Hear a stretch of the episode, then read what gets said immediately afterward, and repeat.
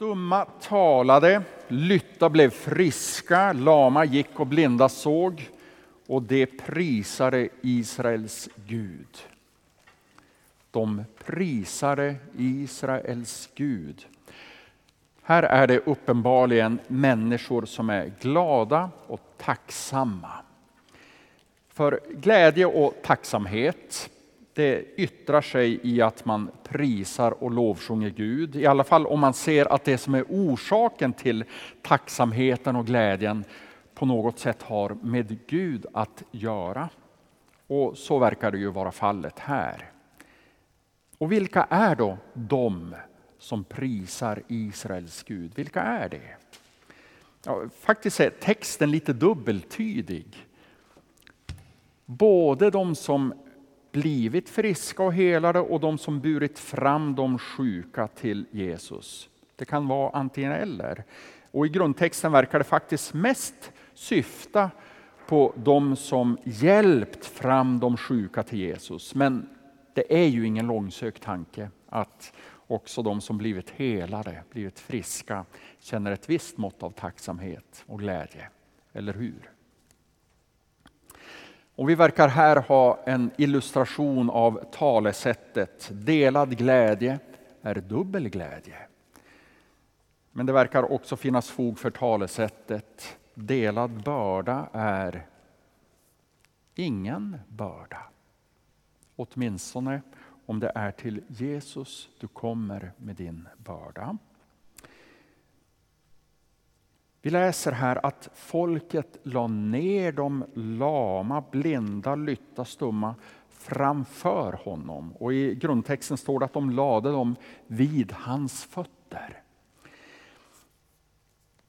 Jag fick lära mig innebörden av den glädje som den här texten illustrerar under några år i Boden där jag bodde och tjänstgjorde som präst. För under en tid var det påfallande många av stadens värst nedgångna missbrukare som kom till personlig tro på Jesus Kristus och fick sina liv förvandlade på ett sätt som övergick förståndet på oss som såg det och som kände till deras gamla liv. Till exempel Tobbe. Han hade fallit så långt ner på stegen i livet som man kan komma. Och ett sista desperat rop på hjälp i den cell på häktet där ytterligare ett nytt fängelsestraff snart väntade, så föll han på knä och bad en bön till Jesus. Och där, bokstavligen, på golvet vid Jesu fötter så blev han helad, upprättad. Nu är han tillbaka i Boden men under många år så fanns han med i Sankta Claras arbete i Stockholm. Och med sitt yviga skägg och sitt långa hår var han som en, han är som en Kristusuppenbarelse och varje år på den stora långfredagsprocessionen i Stockholm så hade han för vana att bära korset fram genom stadens gator.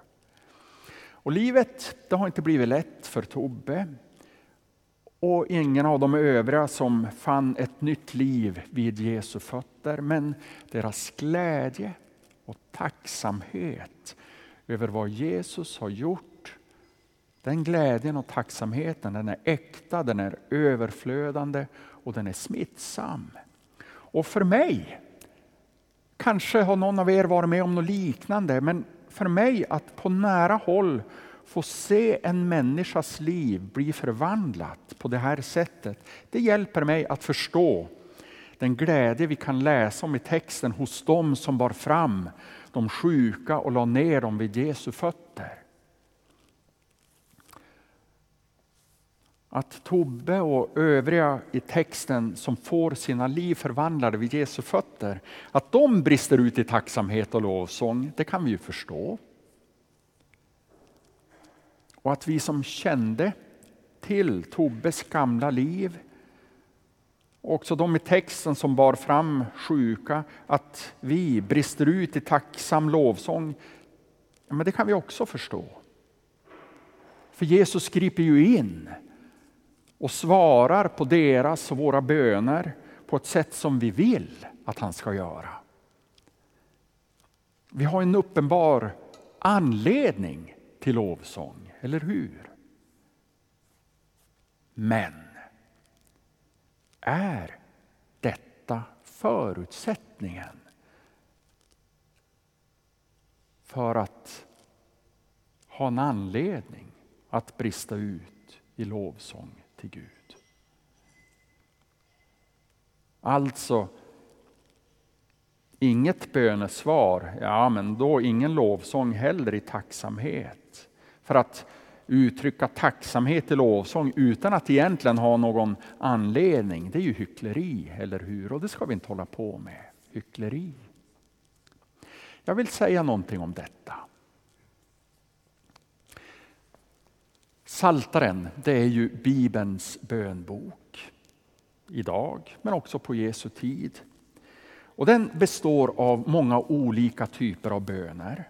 Och en vanlig kategori böner det är så kallade klagosalmer. Där salmisten, det är ofta David, kung David, han beklagar sig inför Gud i de här klagosalmerna. Och det är ju inte så att David var någon kverulant som klagade för minsta lilla. Bara två korta exempel. I psalm 13 där får man intrycket av att David är under svår press och stress. Han ger uttryck för en känsla att vara totalt övergiven av Gud. I psalm 77 då möter vi en människa som är deprimerad. Svåra sömnproblem, tankarna mal, han frågar sig på allvar om Guds trofasthet är slut för all framtid. Och de här klagosalmerna ser vi ju i förstone ingen anledning till lovsång. Men ändå mynnar de som regel ut i lovsång. Hur kommer då det sig? Ja, I den sistnämnda salmen 77 så börjar salmisten påminna sig om vad Gud har gjort tidigare i historien. Men jag minns Herrens gärningar. Jag minns dina forna under. Jag tänker på allt vad du gjort och begrundar dina stora verk. I helighet går du Gud fram. Vilken Gud är så stor som du, o Gud. Och i psalm 13 så påminner sig David mitt i sin misär och sin olycka att Gud är den han är. Att han är god. Och trots omständigheterna så blir det här en källa till lovsång. Jag litar på din godhet, mitt hjärta ska jubla över din hjälp. Jag vill sjunga till Herrens ära, ty han är god mot mig. Så en första liten summering här av vad jag vill ha sagt. Att blicka bakåt. Att påminna sig om vem Gud är och vad han har gjort. Det är en källa till lovsång. Oavsett hur omständigheterna nu ser ut. Och som kristen så har du nåden, försoningen och livet Livet med stort L som döden inte har någon makt över. Som Jesus vunnit genom sin död på korset och sin uppståndelse från de döda. Det är en anledning till glädje och tacksamhet och lovsång. Oavsett om du här och nu får ett svar på dina böner eller ej. Så blicka tillbaka och påminn dig om och om igen vem Gud är. Att han är god, att han är barmhärtig. Och påminn dig gång på gång att Jesus har uppstått från de döda. Men vi hittar också andra anledningar till tacksamhet och lovsång. Hebreerbrevets författare ger ett annat perspektiv. Och I kapitel 13 läser vi Ty här på jorden har vi ingen stad som består, men vi söker den stad som ska komma. Så vill vi genom honom ständigt frambära lovsång som ett offer till Gud, en frukt från läppar som prisar hans namn. Och den som skriver det här lever i en tid av förföljelse och martyrskap som vi inte, jag säger det, vi kan inte greppa omfattningen av det. Men han talar om den stad som ska komma. Alltså hoppet om evigheten, hoppet om himlen. I hoppet om vad som ligger framför finns en oerhörd källa till tacksamhet i livet här och nu. Så en andra summering. Att blicka tillbaka på vad Jesus har gjort och att påminna sig om vem Gud är, det ger en anledning till tacksamhet och lovsång oavsett hur livets omständigheter nu är. Och att blicka framåt, att påminna sig om det himmelska hopp som den kristne har utgör också en anledning till tacksamhet och lovsång. En ganska god illustration av det här finns i Apostlagärningarna 16. Där läser vi om hur Paulus och Silas befinner sig i Filippi i Makedonien. De har predikat evangeliet där, men, och många har kommit till tro. Men folk har vänt sig mot dem. De har dragit dem inför de romerska domarna. Man har slitit av dem kläderna. Man har pryglat dem med många piskrapp. Och man har slängt dem i fängelse med benen fastlåsta i stocken.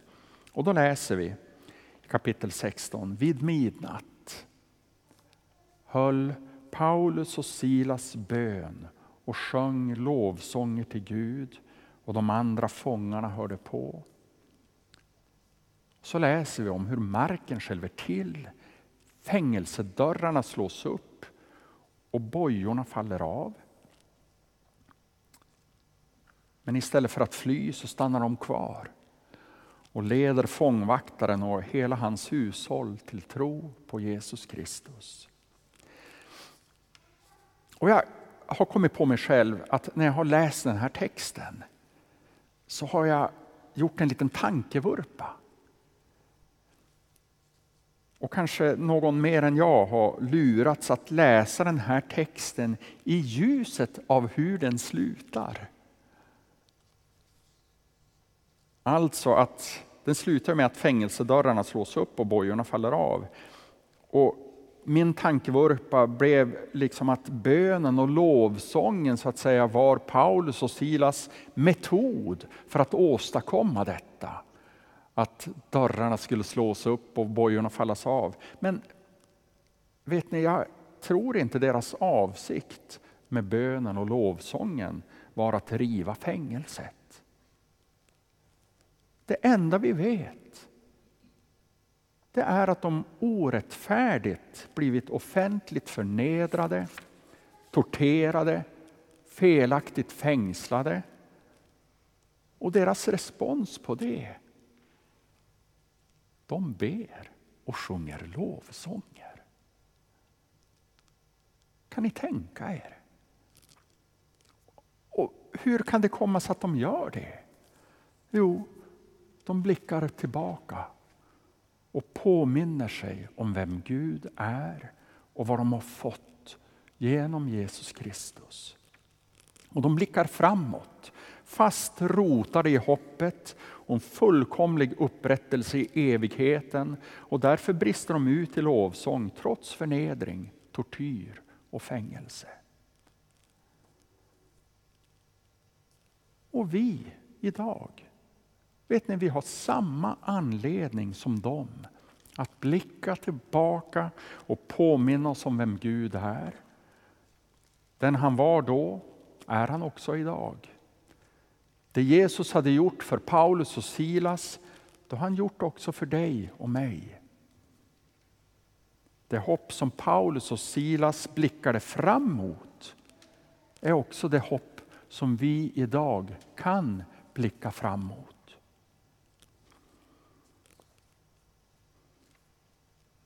I överförd bemärkelse finns en lärdom för oss i berättelsen om Paulus och Silas. I de mörkaste omständigheter som du möter i livet så kan bön och lovsång hjälpa ditt hjärta och ditt sinne att så att säga orientera sig rätt. Och de tanke och känslomässiga bojor som håller dig fängslad kan då också falla av. Så till sist. Jesus griper in i människors liv. Det kan vara enkla vardagliga bönesvar eller förvandlade liv. Och det är till stor glädje för den enskilde som får vara med om det. Men det är också till stor glädje för människor som finns runt omkring. Som ser det som händer.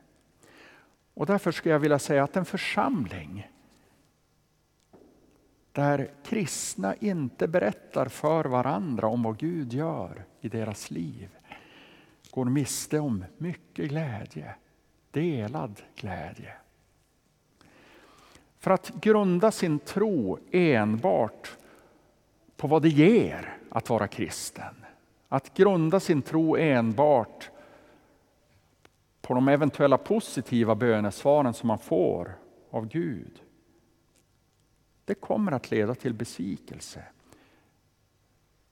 Nej, en kristen har alltid en källa till tacksamhet och lovsång i vem Gud är, att han är trofast och i vad han har gjort genom Jesus Kristus.